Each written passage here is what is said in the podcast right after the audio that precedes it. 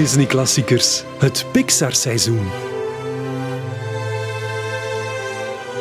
Elke aflevering bespreekt Robin Broos een Pixar-film samen met zijn centrale gast. Welkom in de 79e aflevering van Disney Klassiekers, ofwel de 12e in het Pixar-seizoen. En ik ben eigenlijk heel blij um, om deze man vandaag te gast te hebben, want wij zijn kei goede vrienden. Wij zijn al jaren samen een DJ-duo, maar goed, dan was er plots corona. En we hebben elkaar gewoon al kei lang niet meer gezien, dus welkom, Senne Goris. Dank u wel. Bedankt om hier uh, te gast te zijn. Zeer aangenaam om hier te mogen vertoeven. Uh, dit, dit, is gewoon mijn huis en mijn huis is jouw huis. Maar Senne, wij hebben elkaar leren kennen, ik denk een jaar of twaalf geleden in Leuven. We zaten allebei in een DJ-duo. Wij waren allebei er rotsvast van overtuigd dat we het gingen maken als DJ. En dan hebben we plots besloten, um, het leven heeft ook nog andere mogelijkheden. En dan hebben we elkaar gevonden. Zeker en vast. Um, uh, je hebt eigenlijk het zintuig horen maar nadien is het ons pas duidelijk geworden dat er nog andere zintuigen waren. En dan hebben we daar maximaal op ingezet. Hè? Zoals dat we wel zijn, maximaal inzetten in het leven en uh, op, aan die andere zintuigen. Ik ben dat een klein beetje wetenschappelijker gaan doen, namelijk als neuskeel-oorarts. En jij bent dat gaan doen door de lokale cuisine in Leuven te gaan proeven, door u op het grote scherm te richten visueel en ja, ruiken, daar vind ik niet direct iets voor. Maar daar ben ik zeker van dat jij je daar ook wel um, laat aan, um, ja, dat, dat, jij dat u niet laat aan u voorbij gaan. Ja, je hebt al gezegd, we zijn uh, samen een DJ-duo waarin dat we uh, eigenlijk vooral galabals en trouwfeesten opluisteren. Dus dat is de laatste jaren niet gebeurd, maar wie weet binnenkort dat we dat terug kunnen doen onder de naam Spik en Span DJ's. Maar je bent ook neuskeel-oorarts. Um, en, en dit, vind ik echt wel hyper cool. Ik, ja, ik, ben, ja, ik mag het wel eens zeggen, Senne. Ik ben onwaarschijnlijk fier op jou. Je hebt um, anderhalf miljoen euro opgehaald, als het niet meer is, met jouw start-up. Het, het, is, het is een tikkeltje meer. Het is eigenlijk iets meer dan 3 miljoen. Maar um, even goed, um, ja, ja, ik heb ook een uit de hand gelopen hobby. Namelijk, um, ik heb een start-up waar ik een geautomatiseerde allergie toestel um, uh, aan het bouwen ben of gebouwd heb, samen met een uh, team van vele slimmere mensen dan ikzelf. En um, uh, daarmee willen we toch ook wel de wereld veroveren of de wereld een betere plaats maken. Dus het heet Hippo DX?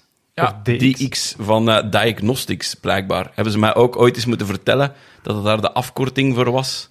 Maar kijk, maar ja, en dat, is, um, dat heeft nu een prominente plaats in mijn leven.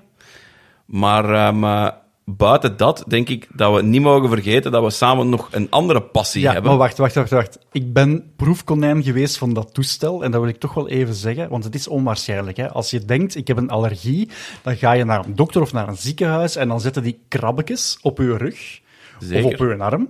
En dat is uh, heel lukraak. En dat is vooral niet uh, met dezelfde dosis of whatever. Allee, dat wordt eigenlijk maar gewoon een beetje gedaan in het wilde weg. En jij hebt eigenlijk een toestel bedacht dat in één keer, in minder dan vijf seconden, ik kan dat getuigen, want ik heb er mijn arm ingestoken, in één keer in jouw arm twaalf prikjes zet, waarmee je kan testen aan eigenlijk alles waar, waar je ooit aan allergisch zou kunnen zijn, kan daarmee getest worden.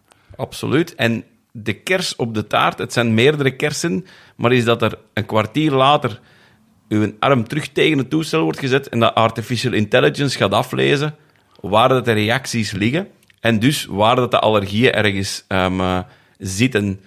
Het toestel is echt wel gemaakt om de arts te helpen, maar we hebben de patiënt daar vanaf minuut één bij betrokken.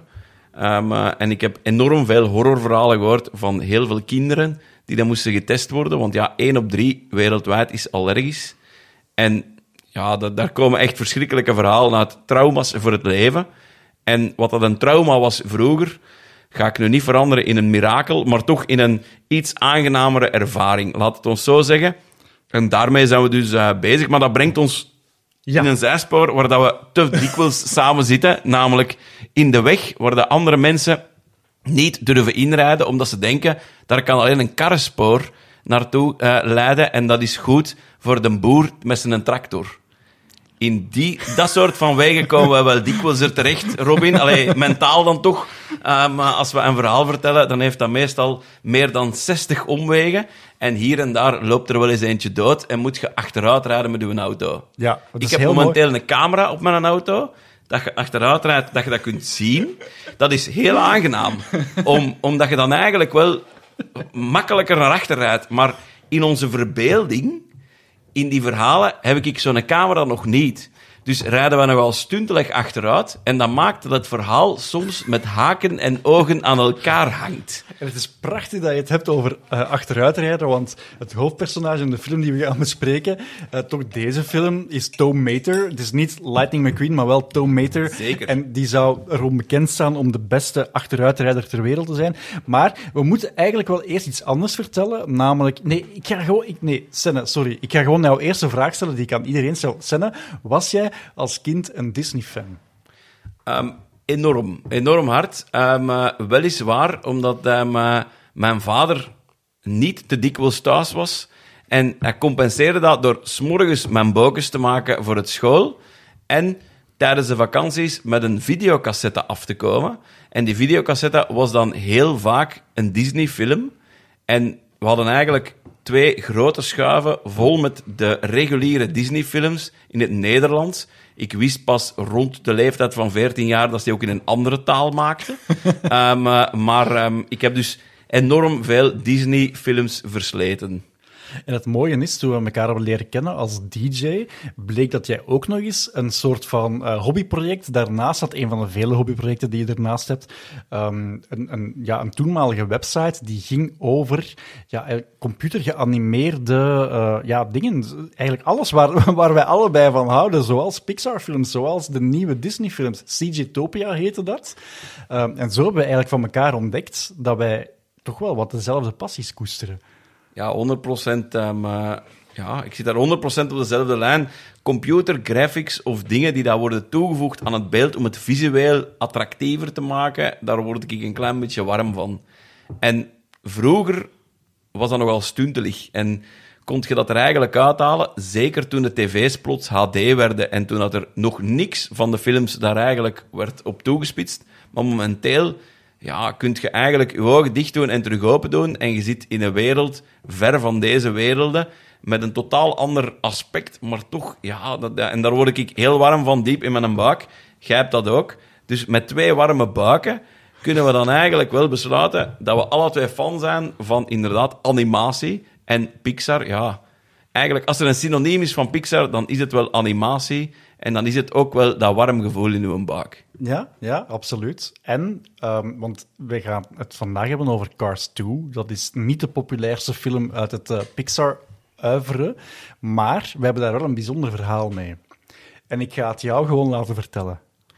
Wel, kijk, eh, maar ik moet toegeven dat ik eh, in de tijd toen met mijn vorig hobbyproject, namelijk de website, heel blij was dat ik door u af en toe werd uitgenodigd om naar een première te, te mogen gaan en daar iets mogen over te schrijven. Jij deed dat dan voor de krant, ik deed dat dan voor de website en zo kwamen we eigenlijk samen tot een consensus. En tot dan was dat dan al een aantal keren in Brussel geweest, dus in het Belgenland. Maar op een bepaald moment had jij gezegd van kijk, we hebben hier, ik heb hier twee gouden kaartjes voor in Parijs te kunnen gaan kijken naar de première van Cars 2. Maar ook op die gouden kaartjes ligt alweer een kers, namelijk John Lasseter himself komt de film introduceren. En eh, John Lasseter, de man zelf, ziet er niet als de meest aantrekkelijke man ter wereld uit. Trouwens, de meest aantrekkelijke man ter wereld is veranderd. En dat is nu een Koreaan geworden. Echt bijzonder lelijk. Bijzonder lelijk. Ziet er ook wel misschien in een donker niet altijd uit als een man. Maar dat brengt ons weer terug in zo'n zijstraat. We gaan terug naar achter. Dus John Lasseter moest daar presenteren en dat is toch wel een, ehm, een, een, een klein idool van ons beiden. Dus we waren daar alle twee zeer, zeer blij en verheugd om. En dat ga ik nog altijd wel toegeven als de reden waarom dat ik dan verkeerd ben gereden in Parijs. Maar toen dat we er uiteindelijk waren, na veel omzwervingen, kwamen we binnen en ja, hebben we ons toch een beetje laten inpakken door de man die dat zich van voor moest verdedigen voor een sequel te maken op een Pixar-film, want dat dat tot dus toe denk ik nog niet was gebeurd. Met Toy Story, hè? maar Ja, die maar- waren extreem goed. Ja, wel. Maar daar, daar kom ik straks nog Ja, toe. Daar heb ik ja, nog een heel. Een heel eh, relaas over. Maar dus, eigenlijk heeft John Lasseter zich daar ongeveer 20 minuten moeten verdedigen tegen woeste en noeste fans. En wij zaten daar te proberen om onze mond gewoon dicht te houden, zodat de mensen niet eigenlijk eh, konden zien dat we volledig starstruck waren. Dus dat maakt het voor ons natuurlijk een extra speciaal, eh, maar zeker met deze film. Hè. Ja. Deze film die dat ik nog eens terug heb gekeken in de zetel. Ik kan u zeggen, zonder dat een John in mijn living het komt voorstellen, is hem net iets minder. En ja, moeten we er ook wel jammer genoeg eh, aan toevoegen. Intussen is eh, onze grote held John Lasseter ook wel gevallen van, Van zijn, zijn voetstuk. Omwille van een hashtag MeToo-schandaal. Maar los daarvan, ja, inderdaad, dat was eigenlijk heel spectaculair om een Europese première mee te maken van een Pixar-film in het bijzijn van ja, de regisseur van deze film, maar dan ook nog eens de grote creatieve baas, het genie John Lasseter. Maar, Senne, en dan ben je vergeten aan het verhaal, eh, dat is waarom ik mij die dag nooit eh, ga vergeten. Waarom ik die dag nooit ga vergeten. Ehm, we zijn niet alleen verkeersgereden in Parijs, maar de suburbs van Parijs. En vooral in combinatie met de auto die we eh, mee naar Parijs genomen hebben. Dat was wel een uitdaging. Ja, maar kijk, ehm, eh, Je ik had woon in den Berg. Je had een bepaald type auto van je vader ontleend, al dan Ja. niet met toestemming. Hij luistert toch niet. dus Nee, nee, uit. kijk, uiteraard. Ik dacht, kom, we rijden naar eh, Parijs, dus dan gaan we ons enige luxe niet ontzien. Ehm, eh, maar inderdaad, die luxe die wordt in bepaalde delen van de, van de wereld nog niet zo gedeeld. En dan, ehm, eh, ja, dan kwamen we toch op een plaats waar ik dacht dat ze ons wielen gewoon aan het rood licht gingen van onder een auto onderuit vijzen en daar 16 bakstenen in de plaats gingen plaatsen. Ik heb mijn iPhone generatie 3, vermoed ik, onder mijn been verstopt, omdat ik schrik had voor het rode licht. Dat ze de, de, de ruit zouden inslaan en, en mijn gsm zouden afpakken. Maar welke, want ik weet het niet meer, welk, welk type wagen was het? Want het gaat uiteindelijk over auto's, hè. Cars 2 gaat over auto's. Wel, maar dan moet ik wel... Ik weet het type van de auto, maar dat is ongeveer het enige type van de auto dat ik ken. Want als de mensen aan mij vragen... Senne, met wat voor een auto rijdt jij? Dan zeg ik, met een grijze. Dus ik weet enorm weinig van auto's. Maar toen waren wij, jawel, met eh, een zwarte BMW X5 onderweg naar Parijs. Ik Je dacht dat het een Jaguar was. Was dat een Jaguar? Dat kan ook wel. Kijk, dan Volgens was het met een Jaguar, maar Volgens ik denk... mij was het de Jaguar van uw vader. Ja, kijk, kijk, kijk. Dat, kijk dan, eh, dan, was het, dan was het blijkbaar met de Jaguar. Dan, ehm, eh, dan vergeet ik dan zeker ook nog het momentje dat we een tweede en een derde keer zijn moeten gaan tanken. en dat mijn eh, bankrekening waarschijnlijk leeg was. Want ik drink nu veel en jij ook. Maar wij zijn echt wel nonnen vergeleken met een Jaguar en het ehm, eh, verbruik van de ehm, benzine. Bon, dat brengt ons wederom te ver. Want eh, we moeten misschien gewoon in de film duiken. Amai, Senne, ik ben blij dat jij eh, het brugje voor mij maakt. Ik ga, voor wie de film nooit gezien heeft, en misschien moet je het ook gewoon zo houden, het is absoluut niet de populairste Pixar-film aller tijden, eh, de korte inhoud meegeven waar deze film over gaat. Dus dit is een sequel op Cars. En we maken terug kennis met Lightning McQueen, die in de vorige film, eh, dus ja, de Piston Cup, eh, net niet gewonnen heeft. Maar intussen heeft hij die vier keer gewonnen en wordt hij uitgedaagd om mee te doen aan een nieuwe wedstrijd. Die heet de World Grand Prix. Georganiseerd door een eh, petroleumgigant Miles Axelrod. En die zet zich nu in plots voor groene energie. Dus voor ja, eigenlijk biologische brandstoffen. Samen met Mater vertrekt McQueen naar Japan, waar de eerste wedstrijd gaat eh, plaatsvinden. En intussen eh, ja, komen we eigenlijk te weten dat er een zekere professor Z eh, en samen met een onbekend meesterbrein, dat die het eigenlijk gemunt hebben op een sabotage eigenlijk van die wedstrijden. Want die willen vooral voorkomen dat die biobrandstof dat dat zou eh, ja, wereldwijd geïntroduceerd raken, want zij zijn oliegiganten en eh, ze willen de wedstrijd saboteren door die Grand Prix, door eh, ja, eigenlijk een, een als een wapen vermomde televisiecamera die op de wagens te richten, zodat die ontploffen wanneer zij rijden met die biobrandstof. Ja, het klinkt allemaal heel, heel gevaarlijk. Het zijn Britse spionnen, Finn McMissile en Holly Shiftwell, die proberen van dat plan te verhinderen. En het is meter die, ja, een meter, dat is een beetje dat domme goedzak, die eh, tegen Willem Dank betrokken raakt in dat spionageverhaal. En dat gaat van Tokio naar Parijs en de volgende race in Italië.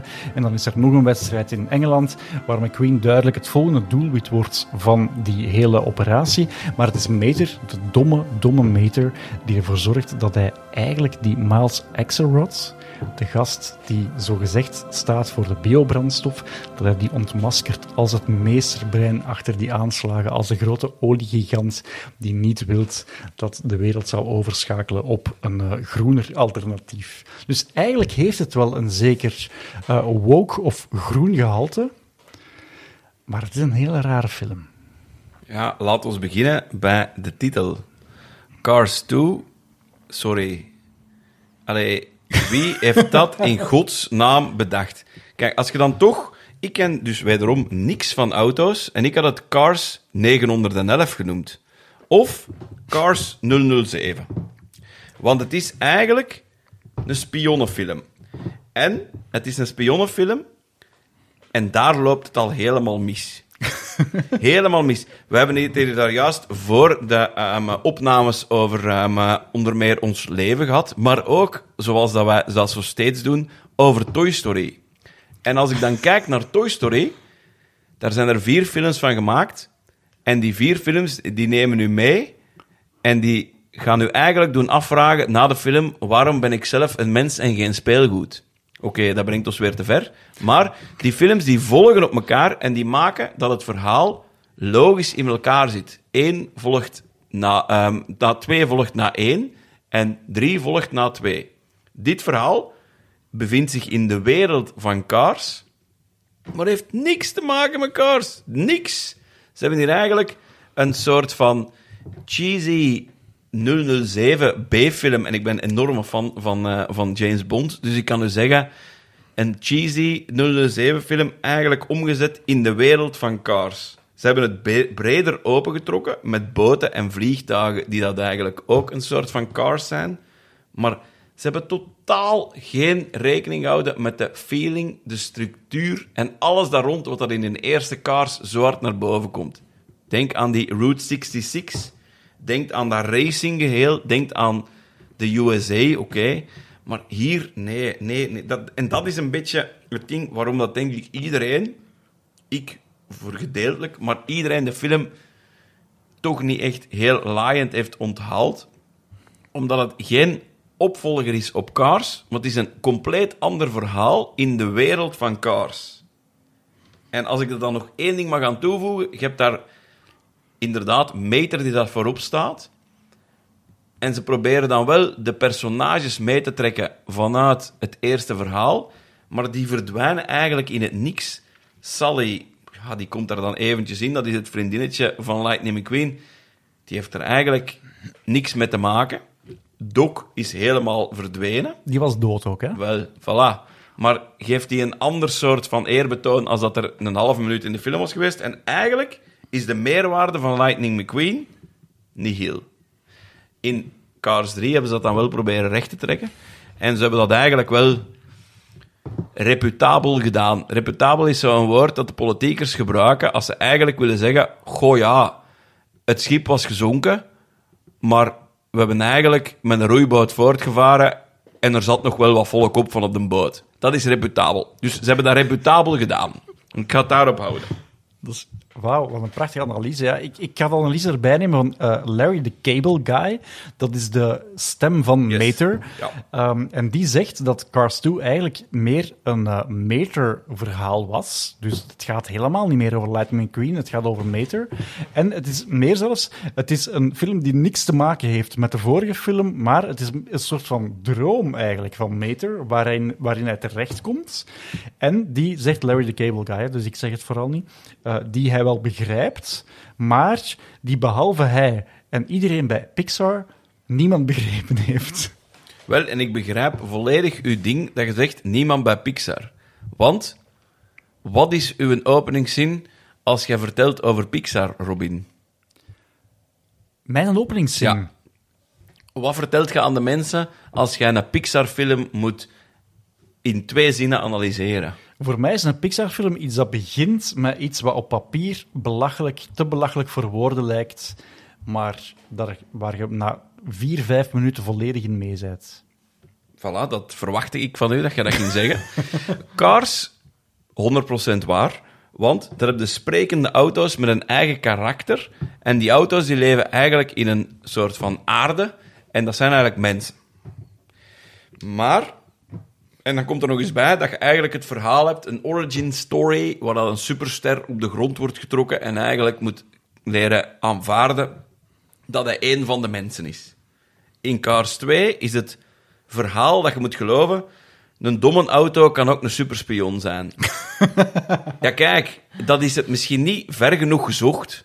Allee, ik weet niet dat je de vreselijke film Johnny English kent, maar dat is ook een domme man die dat een superspion kan zijn. Het bestond eigenlijk al. eh, Ja, dit- dit- je hebt hier eigenlijk een, ja, een herwerking gehad van een slechte film. Soms kan dat goed zijn, een herwerking van een slechte film, maar in de bijna alle gevallen Ja, maar wacht, ja. kun je daar eigenlijk ja, Ik begin het te niet begrijpen. veel want mee doen. John Lasseter moet gezegd hebben dat hij op het idee gekomen is toen hij de eerste Cars in 2006 aan het promoten was in Europa. Waarschijnlijk heeft hij toen Johnny English gezien tijdens die tournee door Europa en heeft hij daar het idee gehaald. Maar ik denk dat hem dan een beetje gelogen heeft. Want ik heb me ergens laten waarschijnlijk dan wijsmaken dat er in Cars een scène gedelete is waar dat ze eigenlijk samen naar de film gingen en waar dat de film een spionnenfilm was met in, het in de hoofdrol de auto nog niet benoemd, die dan nu eigenlijk de superspion is. Ja, Finn McMizzle. Voilà, Finn McMissile. Maar dus de, zo heb ik me laten wijsmaken dat eigenlijk het initiële idee kwam, omdat ze die scène hebben moeten schrappen, en dat John Lasseter dat echt zonde vond dat die... Ik begrijp het ook wel, als je als auto naar een drive-in gaat, waar zit je dan in? Dus ik ben helemaal mee in het, ehm, eh, in, in, in, in het toffe, in het toffe mindgame waar je dan in zit.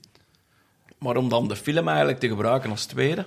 Ja, voilà. En dan, de- eigenlijk maken ze daar al een fout. Inderdaad, maar dat is zeer goede analyses zijn, eh, door te zeggen, ja, dat is dan geen Cars 2. Dat is gewoon een film die past binnen de wereld van Cars. Voilà. En dan hadden we daar misschien met z'n allen ook anders naar gekeken. Ja, iedereen verwacht hier een Toy Story 2. En ja, daar waar dat een Toy Story 2 echt wel denkt... Ah, hier ben ik met het mes in uw hart aan het snijden geweest in een 1. Dan pakken we die gleuf terug en dan snijden we gewoon verder in uw hart... dat je nog eigenlijk meer sentiment voelt. Pakken ze hier geen mes, maar pakken ze hier een vork... en beginnen ze eigenlijk spaghetti te draaien in uw hart... waarvan dat je denkt, dat heeft niks met sentiment te maken... maar je bent hier eigenlijk gewoon... Mijn bloed in klonters aan bijeen draaien. Is het, Dat is al een hele verre analyse, hè? maar kijk. is dat dan Forky? Kijk, daar ga ik niet op ingaan. Ehm, eh, ik zie jullie allemaal ehm, eh, gebaren maken. Robin, nee, de mensen luisteren naar ons. De mensen kijken niet naar uw handen. Ik ben heel blij dat je dat Voilà. eh, nog eens even zo toelicht. En ik ben ook heel blij dat je meteen ook eh, metaforen gebruikt uit je professionele omgeving, namelijk Kijk. die van de medische wetenschap. Die is waar nooit ver weg. bitter weinig over weet, net zoals ik bitter weinig weet over auto's. Ehm, maar, en dat heb je wel heel goed eh, ja, gezien daar juist, die, die Finn McMizzle is wel heel duidelijk een prototype 007 agent. Als in zelfs die auto zou, en ik zou het nu allemaal kunnen opsommen waar hij uit bestaat, maar ehm, zijn deuren zouden komen van een Volvo P1800. dat is degene die door Roger Moore gebruikt is in The Saint. Ehm, zijn eh, fenders komen van een BMW 507, ook uit een Bondfilm. De rest van de elementen komen van eh, uiteraard Aston Martin de trademarkwagen van Voilà. 007. Dus Zeker. alles, alles, alles klopt hierin. En ik moest er net even aan denken. Bij al die reboots en remakes van films, eh, de heel die Jurassic World. Ik ga even echt, en, en nu mag ik even achteruit rijden en een, eh, een zijsprongetje maken. Maar we Eh, rijden pas achteruit als we de zijsprong hebben gemaakt. dat is waar. Dus we kwamen van Jurassic Park. Op een bepaald moment weet ik veel, twintig jaar later besluiten ze, we gaan daar een reboot van doen, Jurassic World. Die eerste film was puur nostalgie, was alleen maar knipoogje na knipoogje na knipoogje. We vonden dat met z'n allen heel leuk, want ja, we kennen dat. Maar die tweede film, en dat vond ik daar, dat vond ik daar zo bijzonder aan, op een bepaald moment werd dat echt een hele akelige horrorfilm. We zaten in een huis opgesloten, we volgen personages die in een slaapkamer zitten, er zit een dino op het dak, en het is echt pure, pure horror. En dat vond ik zo interessant aan die film, namelijk we proberen even buiten de franchise te rijden, als het ware. We gaan er een ander soort film van maken. Ik vond zelfs dat ze het niet, te, niet ver genoeg hadden doorgetrokken. Wel, Maar in het geval van Cars snap ik wel dat het publiek zit te wachten op een vervolgfilm en niet op iets dat misschien wel klopt in het universum van Cars, maar eigenlijk iets, een, compleet andere, een compleet ander verhaal vertelt. Want dit is een James Bond film in de wereld van Cars. En dat is kei raar als een Cars 2. Kijk, Robin. Als iemand twee keer knipoogt aan de toog naar mij, dan denk ik, ja, touche. Maar als iemand twintig keer naar mij knipoogt, dan denk ik, dat is een oogontsteking. Dus, Maar jij zit een dokter, hè? dat is het probleem. maar... dat is het probleem. Wel, ik, zit, wil ik, zit daar op dezelfde lijn. Ja, ik wil hier even aan toevoegen, ehm, en, en dit heeft er geen hol mee te maken, maar het mooiste moment dat ik ooit met Sennegoris heb beleefd, was in een volkscafé in Heijs op den Berg, waar hij vandaan is, het Hoekske, bij een Dirk, dat binnenkort jammer genoeg de deur gaat sluiten, maar los daarvan, eh, ik had daar met Sennen afgesproken, en hij kwam recht van het ziekenhuis en hij had zijn doktersjas nog aan, want hij had geen tijd gehad om zich om te kleden. En hij komt binnen en meteen zijn er een aantal vaste klanten die denken, ah, meneer dokter. En dan is er iemand naar ons gekomen die zei, meneer, als ik hier douw, en dan duwt hij ergens op zijn pols, dan heb ik hier zeer. En dat was aan zijn schouder. En dan heb jij gezegd, Senne Goris, echt, ik ga nooit van zijn leven vergeten, hoeveel moet ik u voorschrijven? En dan heb jij een boek gepakt en dan heb je opgeschreven 10 pinten. Kijk, ik wist dat die mens daarmee gediend ging zijn. We hebben er achteraf wel een kleine tractatie van gehad.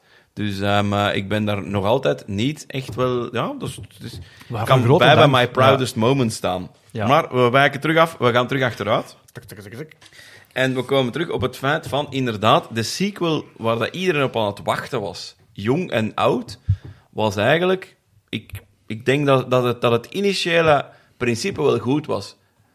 Lightning McQueen gaat een grotere ronde aan dan de Piston Cup en gaat de wereld rond. En ik moet toegeven, daar in Japan, fantastisch. Ik ben zelf ook in Tokio geweest. Ik had daar echt het gevoel, als je, als je mij een scherm geeft met alleen Cars 2 in Japan rond mij, dan waan ik mij terug in Tokio. Hebben ze fantastisch gedaan. En dat is denk ik ook de reden, want ja, los van het feit dat we daar in Parijs waren op een Europese première, wat sowieso al super cool is, in het bijzijn van John Lester, wat nog eens mega veel cooler is.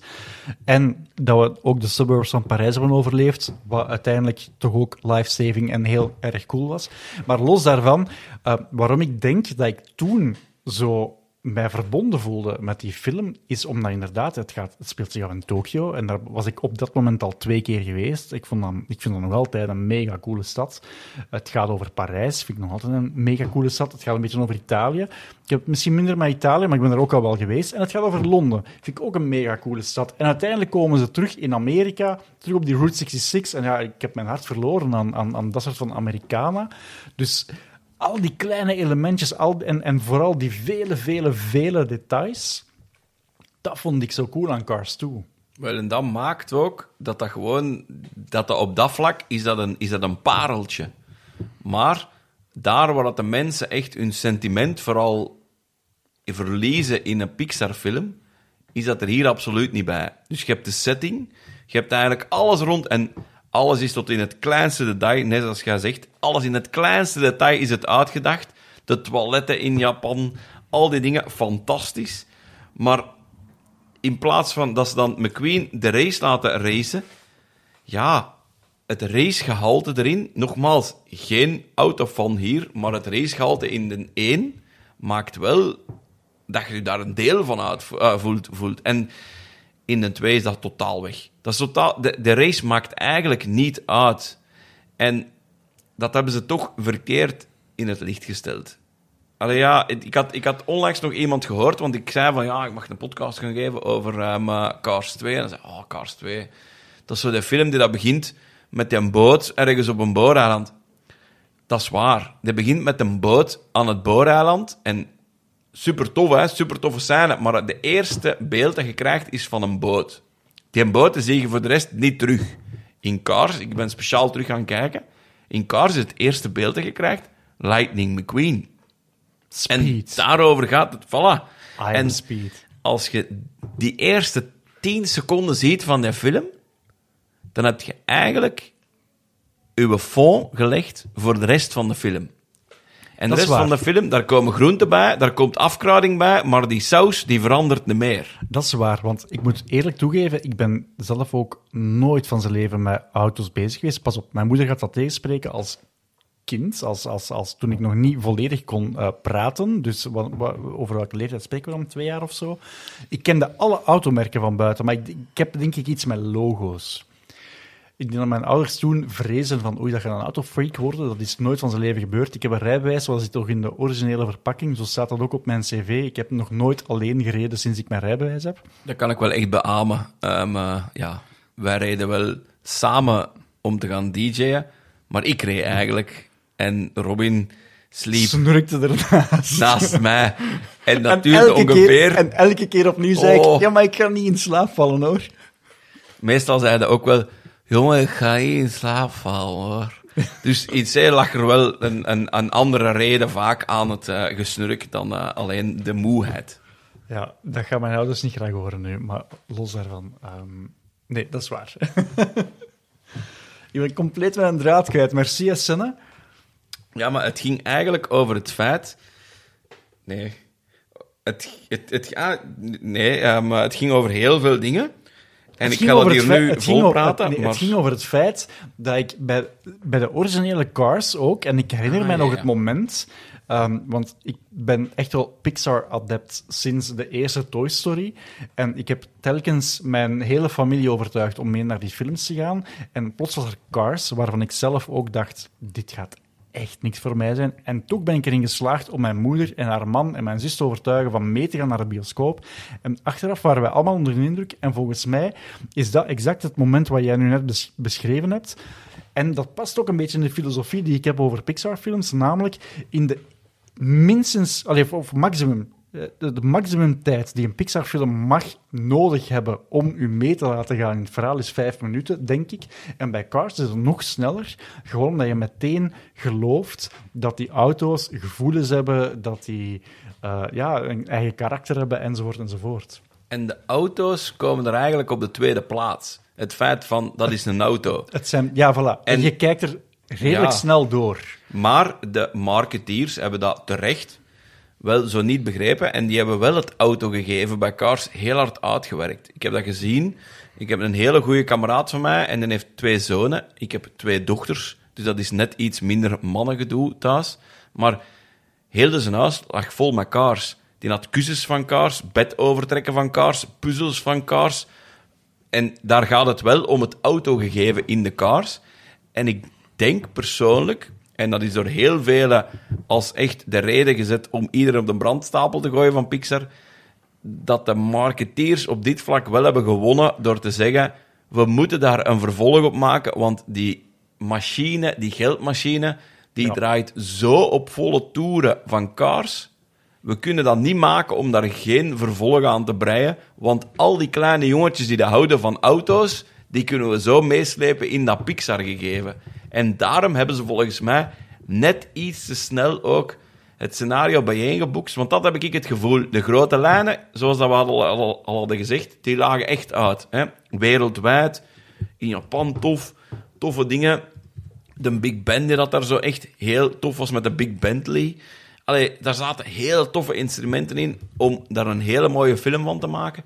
Maar het verhaal dat eigenlijk alles aan elkaar naait, de rode draad erdoor, die is eigenlijk gemaakt van stof waar dat je zo van jeuk krijgt als je daar een pul vooraan doet en je hebt geen t-shirt onderaan. Zo, zo dat, dat gevoel dat je zo hebt van, ja, nu ga ik hier weer allemaal vol met uitslag staan. Dat is eigenlijk de stof geweest waar ze de rode draad mee hebben erdoor genaaid. Ik ben zo blij dat je dat weer een mooie metafoor hebt gestoken. Maar het klopt ook, uh, het doet mij opnieuw denken op een gekke manier aan Jurassic Park. Op een bepaald moment heeft Universal zichzelf afgevraagd, ja, maar als we die films want, uh, en dino's verkopen en jongetjes kopen graag uh, plastieke dino's, of, we moeten vooral het gegeven dino's interessant houden voor jonge kinderen.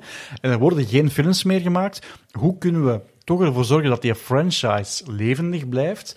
Wat heeft Universal toen gedaan? Ze hebben attracties gebouwd in al hun Universal-parken van Jurassic Park.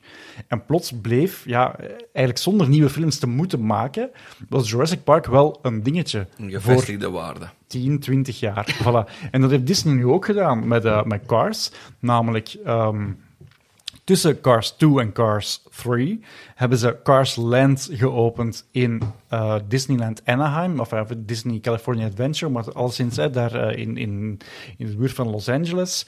er zijn superveel kortfilmpjes over Mater nog gemaakt.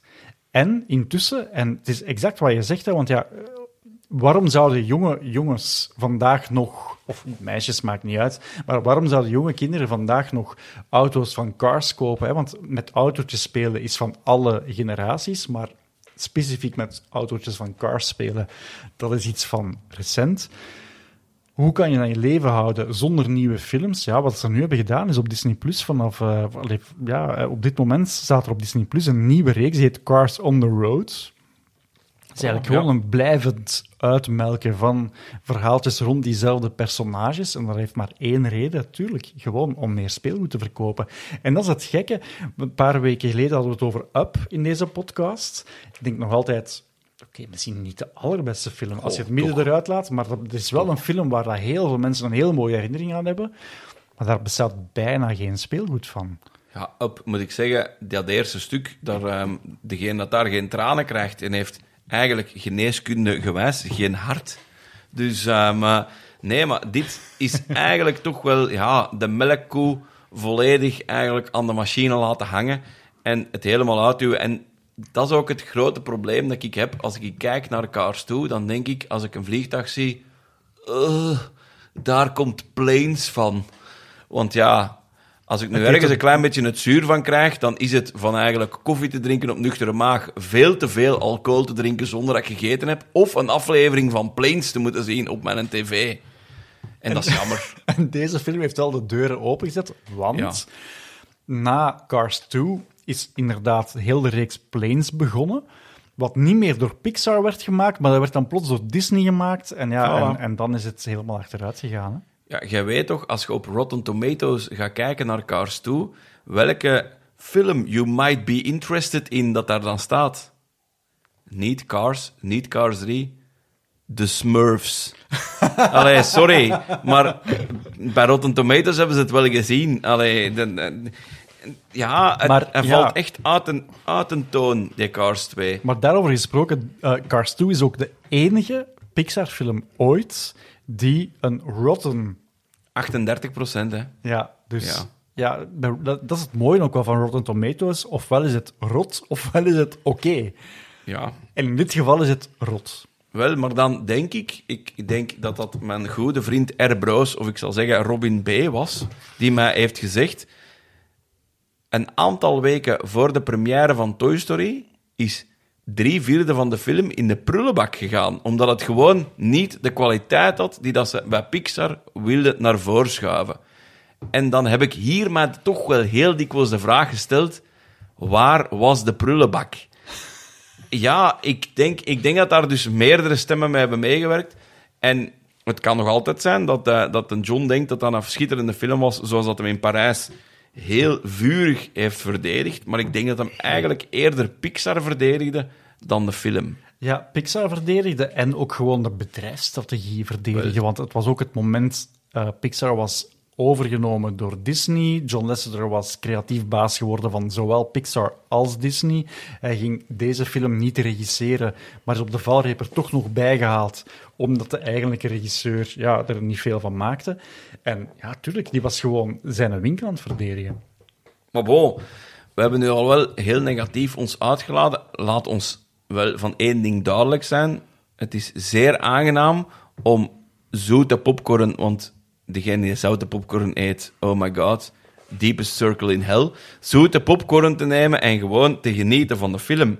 En waar dat ik dan wel vind dat de bal echt exact juist is geslagen, is laat ons daar het meest Britse accent op zetten op zo'n secret agent dat er is. En dan de Michael Caine, die dan maar net iets te veel aan Batman doet denken, oké, maar ja, fantastisch hè. Daar word ik direct heel blij van als ik deze stem hoor. En ze hebben op heel veel plaatsen wel de juiste beslissingen gemaakt hè.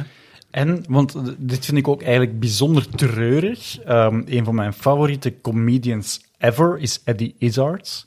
Britse comedian uh, die ook wel eens durft uh, optreden in vrouwenkleren. En eigenlijk was die woke uh, twintig jaar voor er over woke gesproken werd.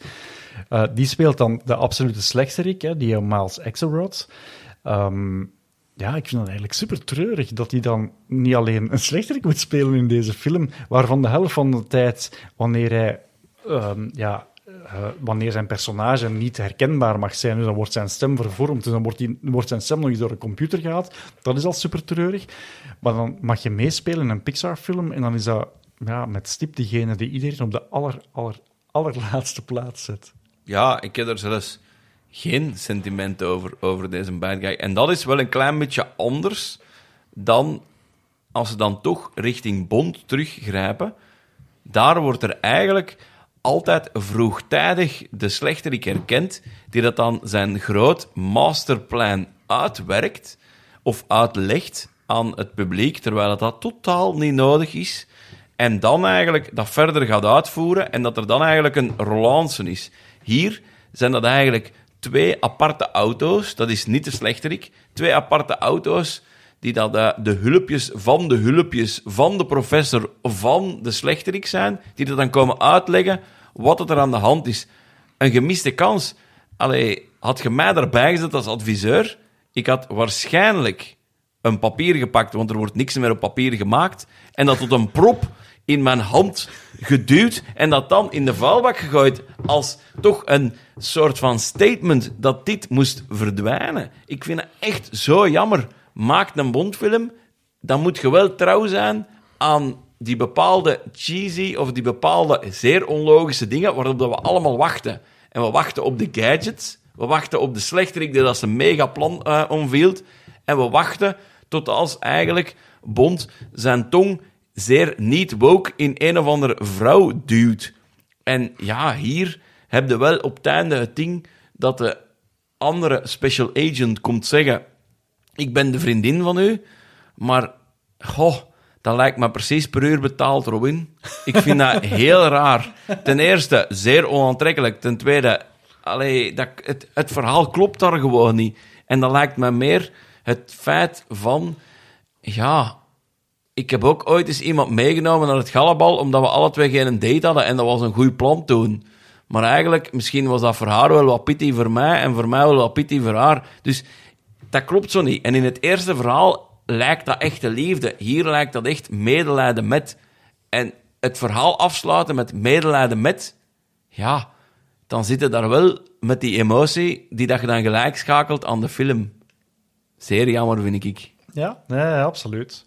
Wat ik ook heel erg jammer vind, en dat is een, een trend die ze vanaf dan uh, heel vaak hebben doorgezet, en, en trouwens Disney ook, de uh, antagonist, degene waarvan je aan het begin van de film denkt, dit is de bad guy, blijkt uiteindelijk niet de bad guy te zijn. Uiteindelijk is het dan iemand anders. En in dit geval is het dan niet die Professor Z, maar is het dan Voilà. En... Izzard. En dat is jammer, want dat hadden we ook al gezien in Toy Story 2, waar we eerst dachten, het is die een L van L ja. Toys Barn. Nee, nee, het is dan die Stinky Pete. Of in Monsters Inc., waar dat we eerst dachten van, het is die, uh, die Randall. Nee, nee, dan blijkt het te zijn ja. uh, Henry Waternoose.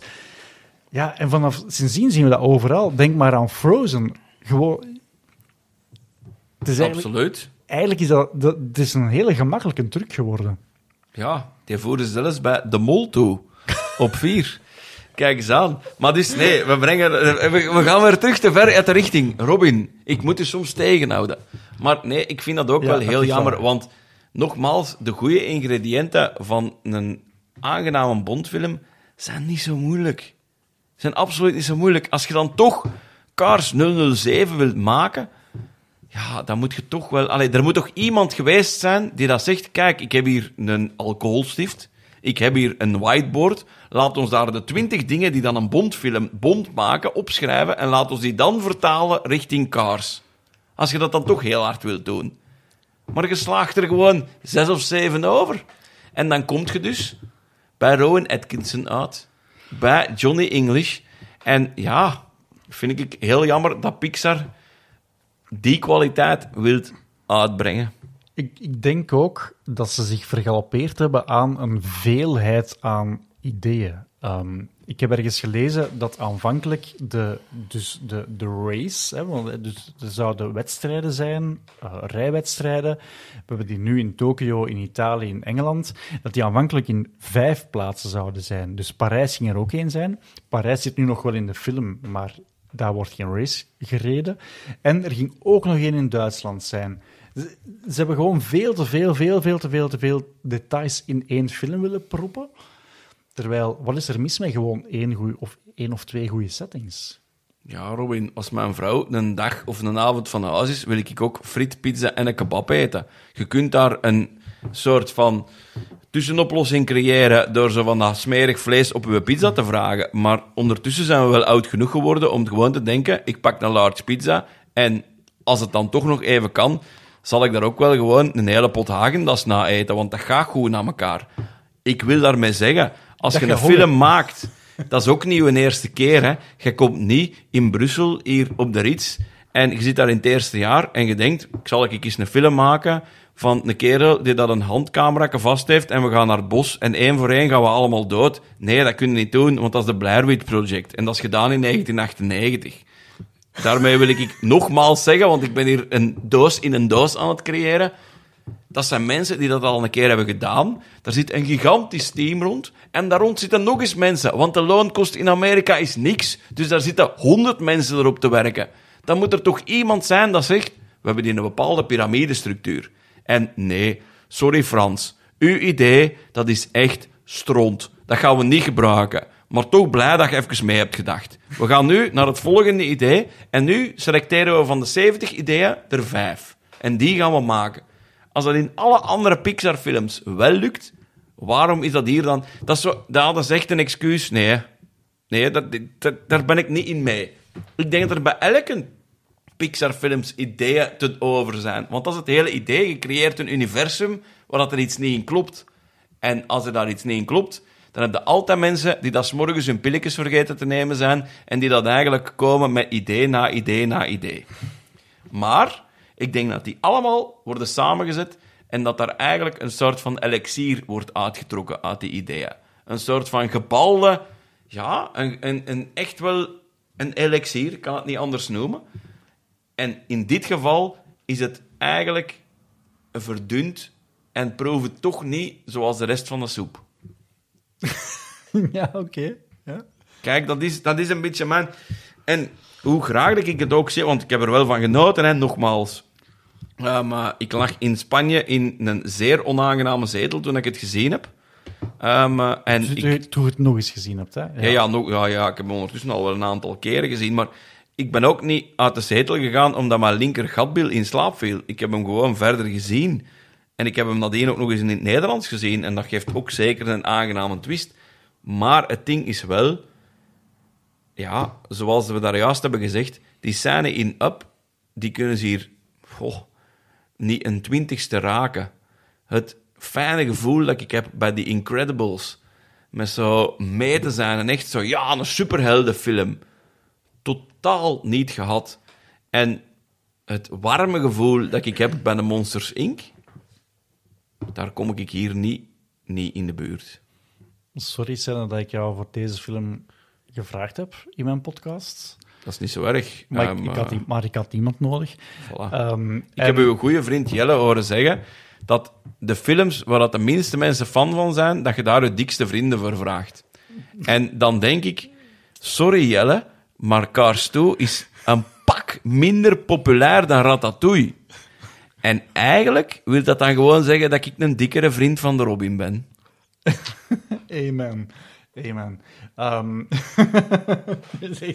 Wauw. Ja, Robin lacht nu omdat ik eigenlijk nu mijn broek iets naar beneden aan het laten doen ben en dat ik eigenlijk laat zien dat ik een tramstamp heb laten tatoeëren met daar de letters RB in.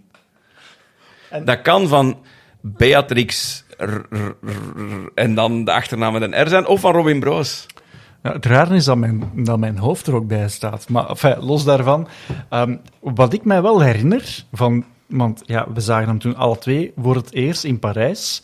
Toen we die film daar voor het eerst zagen, Cars 2. Ik was onwaarschijnlijk onder de indruk van de, ehm, het licht. En dat klinkt nu heel raar, maar, want, hè, want we- zitten in een geanimeerde wereld. Maar nog slagen die erin van eh, reflectie en licht. En, en bijvoorbeeld, hè, de- al die scènes in Tokio zijn s'nachts. Wat eigenlijk ook al, al, dat zegt al veel. Namelijk, we kiezen er bewust voor om te gaan voor de neonverlichting waarmee dat we Tokio in verband brengen. Maar dat reflecteert dan ook nog eens in die, ja, in, in heel die carrosserie van al die auto's. En ik was daar heel erg van onder de indruk. Ik had toen echt het gevoel, dit mag misschien niet de beste film zijn, maar technologisch staan die wel weer een hele grote stap verder. Robin, heb jij mijn nieuwe keuken gezien? Nog niet, want ik Wel, ben al lang niet meer bij u geweest. Kijk, ik kan u zeggen, dat is godverdekken door een vakman in elkaar gezet. Wauw. Een schrijnwerker plus, plus, plus, plus.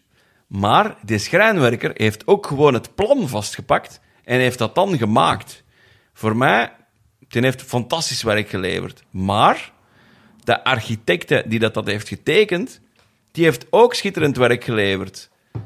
Als we dan toch na enige tijd merkten dat de kastjes langs de ene kant gewoon open vielen als je er voorbij kwam, dan moet je niet kwaad zijn op de schrijnwerker, want hij heeft fantastisch werk geleverd en dat blijft fantastisch werk. Dan moet je kwaad zijn op de architecten, die dat blijkbaar niet door had, dat als je met mens, als mens zijnde, met je iets of wat dikkere derrière tegen een kast stoot, en je maakt daar van die drukknopjes van, die dat openvallen als je daar wat tegen duwt, dat die kast dan openspringt.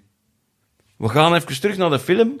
En dan maakte eigenlijk dat Pixar echt wel vakmensen zijn, die dat fantastische dingen kunnen maken. En ik denk nog steeds dat dat twee verschillende divisies zijn. Je hebt daar de divisies van de technici, die dat moeten maken, en die kunnen daar hun eigen stuk aan toevoegen. En dat, dat zijn die reflecties. Dat zijn echt die details en al die dingen. Maar er, is, er zijn maar een paar mensen die dat eigenlijk aan het roer staan van het schip en die dat maken. Er kan hard geroeid worden op de boot, maar er moet wel iemand aan het roer draaien en zeggen: Dat is de weg naar Amerika, ze mannen. We gaan ervoor. En als je dan met 16 omwegen er komt, dan heb je nog altijd hard geroeid, maar dan heb je wel serieus veel energie verscheten. En dat is hier een klein beetje gebeurd.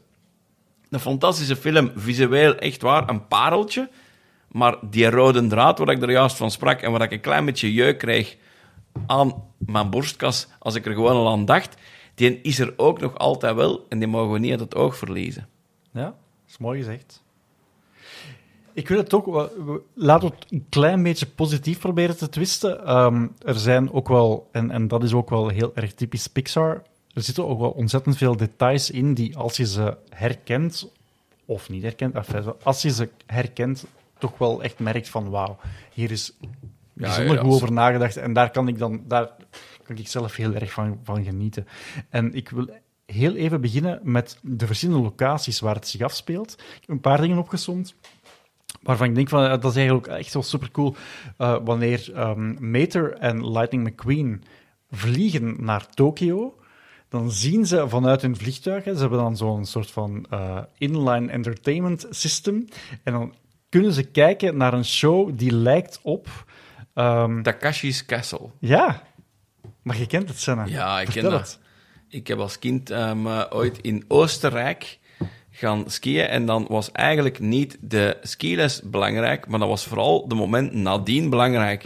Toen dat mijn ouders in een apres-ski zaten, hoogstwaarschijnlijk, en zich daar aan het tegoed doen waren aan eh, de lokale geestrijke drank. Wij gingen als kind eigenlijk altijd direct naar de kamer om te kijken op welke post dat we Takashi's Castle konden eh, zien, want ja, daar eigenlijk gaat er geen woorden voor nodig en al zeker geen Duitse woorden, want alles is daar gedubt. Ehm, eh, maar je kon daar toch enorm goed mee lachen. En dat is inderdaad hetgeen wat je daar ziet op die eh, de films. Dat is eigenlijk een Japanse eh, ja, spelshow dat zich afspeelt in een kasteel dat zogezegd bestormd gaat worden en kandidaten moeten daar dan aan meedoen om te, al dan niet te voorkomen wat er gaat gebeuren. Of het is een soort van Fort Boyard, maar dan op zijn Japans. Ja, maar weet je dat daar ook een soort van Vlaamse commentaar onder gegeven is, onder Takashi's Castle? Vreselijk. De kerel dat eraan heeft meegaan, wel een heel aangename man, maar ik denk dat hem toen ook dacht van oei oei, we gaan dat hier doen en we gaan wel kijken waar dat het landt. Dat is een van de foute vrienden. Ik ben zijn naam even kwijt. Uh. Goh, je hebt daar zo je hebt de begin, je hebt dan de andere en dan de derde.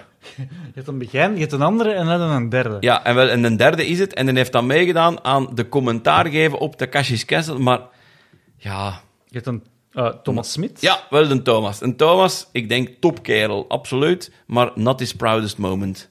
Ehm, eh, Thomas, als je luistert, toch klein hartje, maar dat was niet uw proudest moment. Eh, de Takashi's Castle, dat had gewoon moeten smerig gedupt zijn in het Duits. En daar hadden ze mee gekomen, of in het Japans gebleven. Maar niet in het Nederlands nog eens een keer terug herwerkt worden. Want het feit dat je moet zeggen, oh, hij loopt ook tegen een deur. Haha. Maakt dat dat toch een beetje van de charme weggaat. Ja, maar we, we want- zijn wederom Want dat zagen we ook. ja, wel, maar we zijn wederom te ver aan het, ja, te ver aan het uitweiden. Ja. Maar die details, Robin, daar geef ik u goh, 130% gelijk. Ja. Er Hartverwarmend. eh, als ze landen in Japan, worden ze ehm ja, tegemoet gekomen door een duo, dat is Mei en Satsuki. En dat zijn de twee namen van de twee zussen uit Totoro. Totoro is een van die belangrijke Studio Ghibli-films. En John Lasseter die heeft daar nooit een geheim van gemaakt dat hij heel erg grote fan is van Studio Ghibli. Dus dat is waarschijnlijk zijn manier om de Japanse grote tekenfilmstudio te honoreren in deze film. Er zit trouwens ook een, een Totoro in Ja. een van de eh, Toy Story-films. Maar los daarvan, ja, kijk, ik denk, denk dat dit ook een van zijn manieren is om dat te doen. En ook heel leuk, ehm, een van de Japanse auto's heet, eh, wacht hè, Kimura Kaizo. En Kaizo is het eh, Japanse woord voor hekt. En dat is blijkbaar een. eh, in, in Japan of in Tokio zijn heel veel auto's ja, zo wat gepimpt. Ja, En daarom dat hij zo heet, omdat dat een gepimpte auto is. kijk. Ik geef het maar even mee. Interessant. Doe me een klein beetje... Keizer doe me zo een beetje denken aan keizer. En keizer doe me denken aan keizer Sozen. Susan, Sozen? Tsudensozen. Keizer Sozen. We gaan zeggen keizer Sozen. U wel gekend van de film uit... Ik wil zeggen... 1996? The Usual Suspects? Zoek het een keer op, Robin. Doe me een plezier, want ik ga er nog een hele avond aan denken. 1995. 95. Ik ga heel even... Sorry, hè. Gewoon... Als je nu naar voren loopt, want... Anders is hem buiten. 1995. Ja, dan zat ik er toch wel niet ver naast. Voilà. Kijk, maar dus daar doet dus keizer Sozen in, eh, mee. Dat is eigenlijk zogezegd de ehm eh, slechterik die dat dan uiteindelijk niet bestaat. Toen we er een beetje aan denken. Maar bon, we wijken wederom af, zoals dat we dat heel graag doen.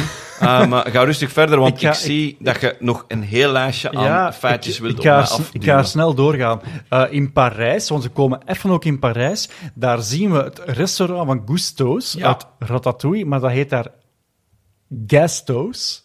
Hè, dus gasto's, ja. Enfin, Ja, ja, host. Ik ben Ja. helemaal mee. Uh, Porto Corsa, dus de, de ehm, fictieve stad in Italië, is eigenlijk een combinatie van Nice, uh, Portofino in Italië en Monaco natuurlijk, waar dat ook heel veel Grand Prix-toestanden gebeuren. Wist ik niet. Ehm, en het grappige daar is dat eh, Holly, dus een van de twee... ehm, eh, Ja, Secret Agents. ja, dat die zegt op een bepaald moment...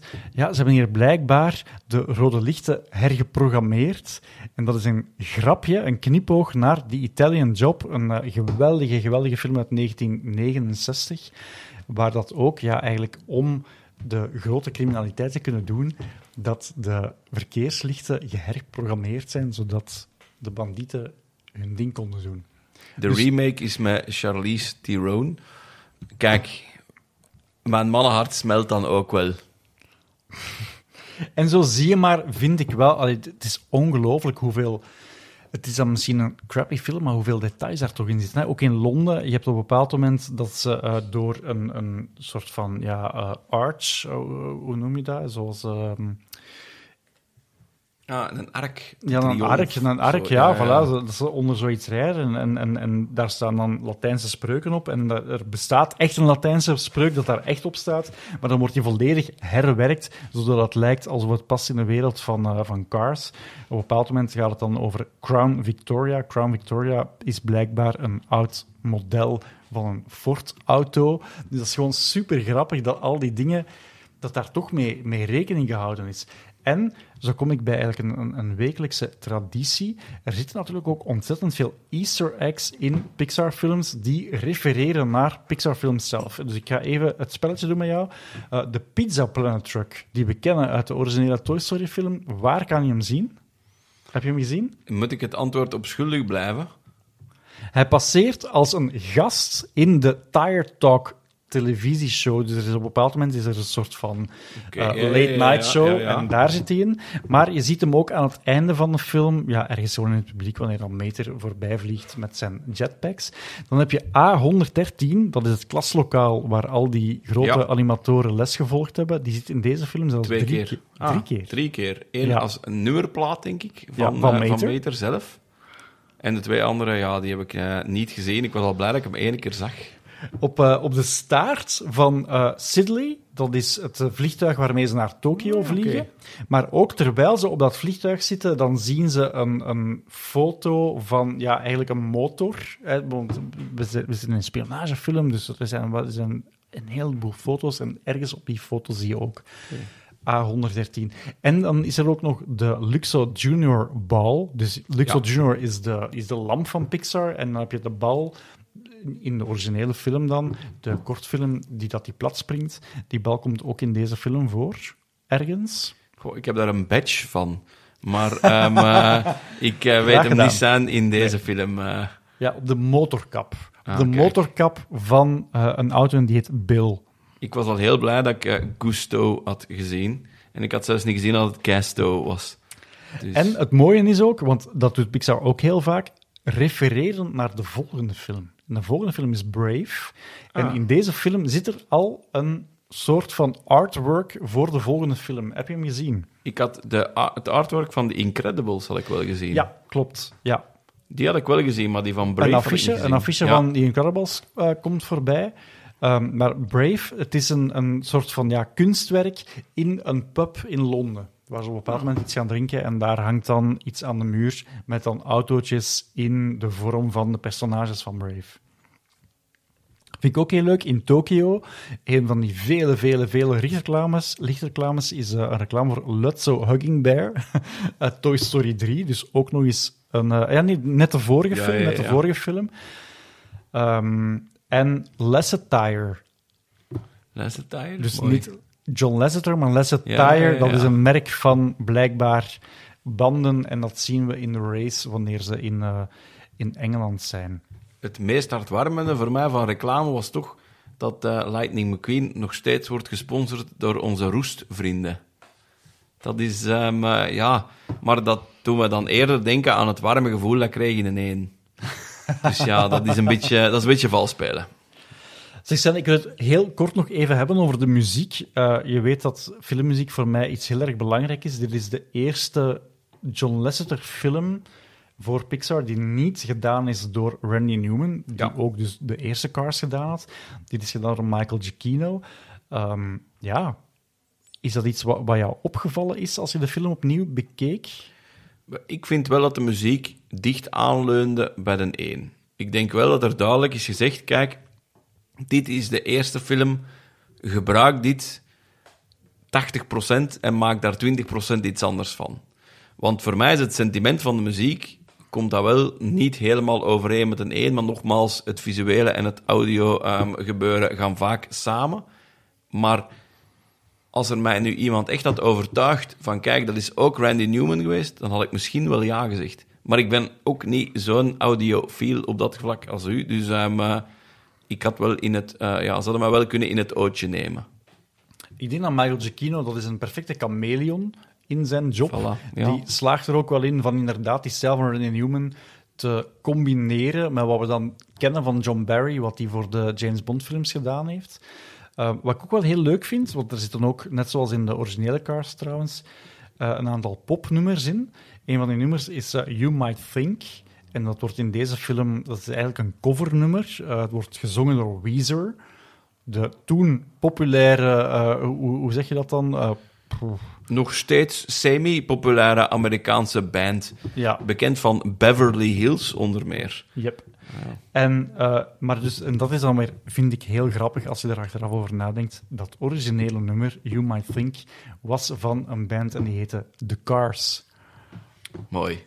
Het nummer heeft eigenlijk voor de rest geen hol te maken met auto's, maar dat soort van knipogen kan ik best wel appreciëren.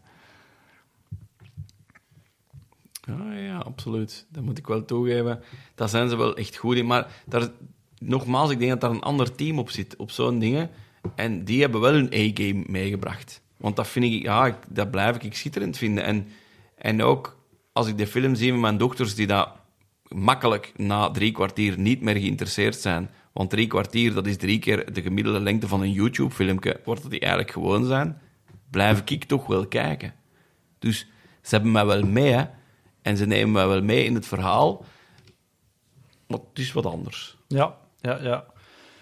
Nog, nog, nog een, een laatste feitje, en het is misschien uh, voer voor discussie, maar uh, de laatste scène in Groot-Brittannië speelt zich af in de klok van Big Ben, of in dit geval Big Bentley. Zo uh, wordt die herdoopt, wat ook al Mooi topmop is. Dat zou volgens insiders een ja, eigenlijk knipoog zijn naar De Speurneuzen, een film uit 1986. De eerste Disney-tekenfilm waarin heel veel gebruik gemaakt is van computeranimatie, of toch vooral in de scène die zich ook afspeelt in Big Ben. Een, een, een ja, cruciale scène van die film. En blijkbaar zou het een met het ander te maken hebben. Het zou wel schitterend zijn. Ik ken de speurneuzen vooral eigenlijk achteraf. Want de speurneuzen was toch die Sherlock Holmes film, hè? Ja, um, ik heb eigenlijk eerst de film gezien De Reddertjes in Kangaroeland op cassette. Um, uh, waar dat Bianca samen met um, haar mannelijke alter ego... Bernard. Bernard uh, op de Albatros eigenlijk richting Australië gaat. En zo zijn we dan terechtgekomen bij de oorspronkelijke reddertjes. En aangezien dat dat ook wel knaagdieren waren, was dan de volgende cassette gelukkig maar inderdaad de Sherlock Holmes versie, maar dan muisachtig. En inderdaad, die speelt zich daar ook af. Dus als die linker zou zijn, zou ik dat wel weten te appreciëren. Nog meer als dat nu de twaalfde film moest zijn van Disney. Maar dat gaat waarschijnlijk niet het geval zijn. nee, nee, nee. Heel jammer, heel jammer. Ja. Ik heb het een beetje te ver doorgedacht. Ja. maar uh, over Cars 2 nog eens gesproken. We hebben het er al over gehad, wat hij op Rotten Tomatoes gedaan heeft. Maar heb je er een idee van of die film het toekoor goed gedaan heeft of niet? Goh, ik denk dat hij het sowieso wel voor een stuk goed gedaan heeft. Want onze kleine vrienden, namelijk de min 18-jarige jonge heren, die kijken niet zozeer op Rotten Tomatoes en die gaan gewoon naar de cinema als die een film willen zien dat die graag willen zien. Ja, 562 miljoen dollar wereldwijd opgebracht. Uh, maar oh, dus ook wel, ja, de enige... Een dinsdag voor ons, Robin. een dinsdag. Oh, kijk. Hoe, hoeveel had je met je start-up opgehaald? Kijk, geen commentaar. Ja, geen commentaar. Um, maar bijvoorbeeld, ja, want de, de critici waren er echt wel niet mals voor. De New York Times die zeiden, ja, de originele Cars was eigenlijk al niet zo'n heel warme film, maar die sequel is echt gewoon slecht.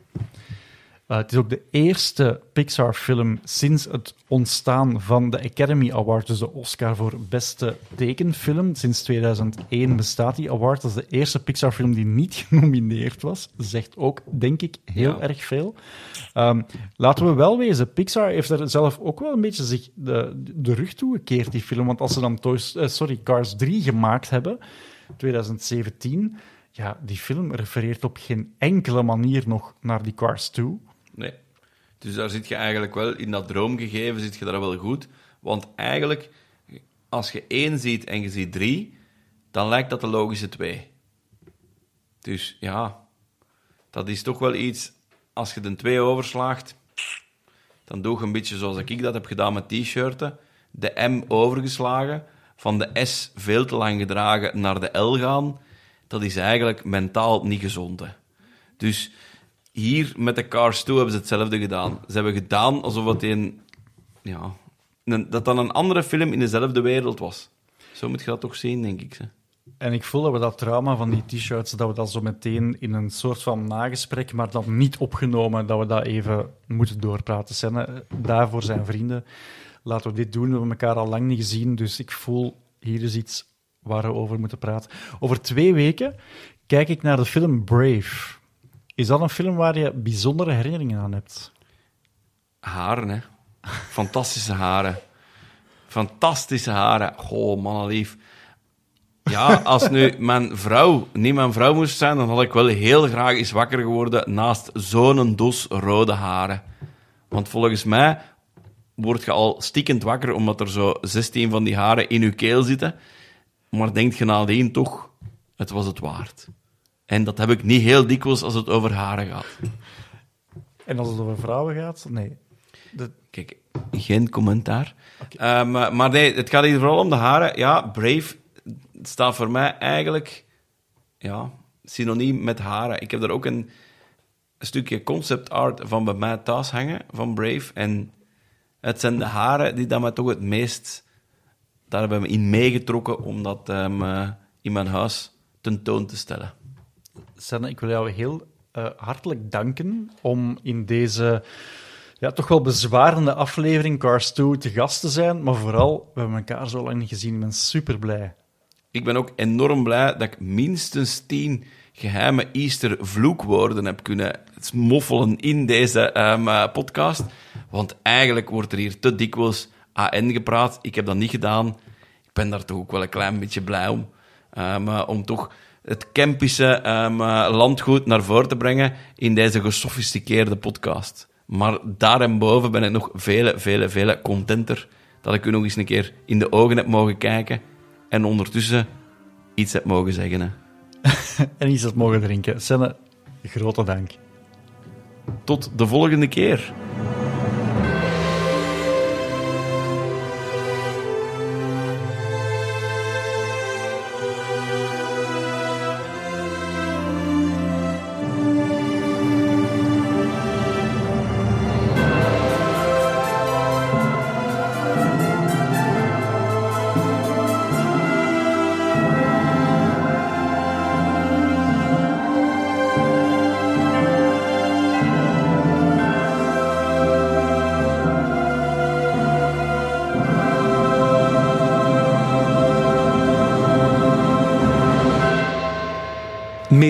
Vragen of opmerkingen naar robin.robinbroos.be of post ze onder de hashtag Disneyklassiekers.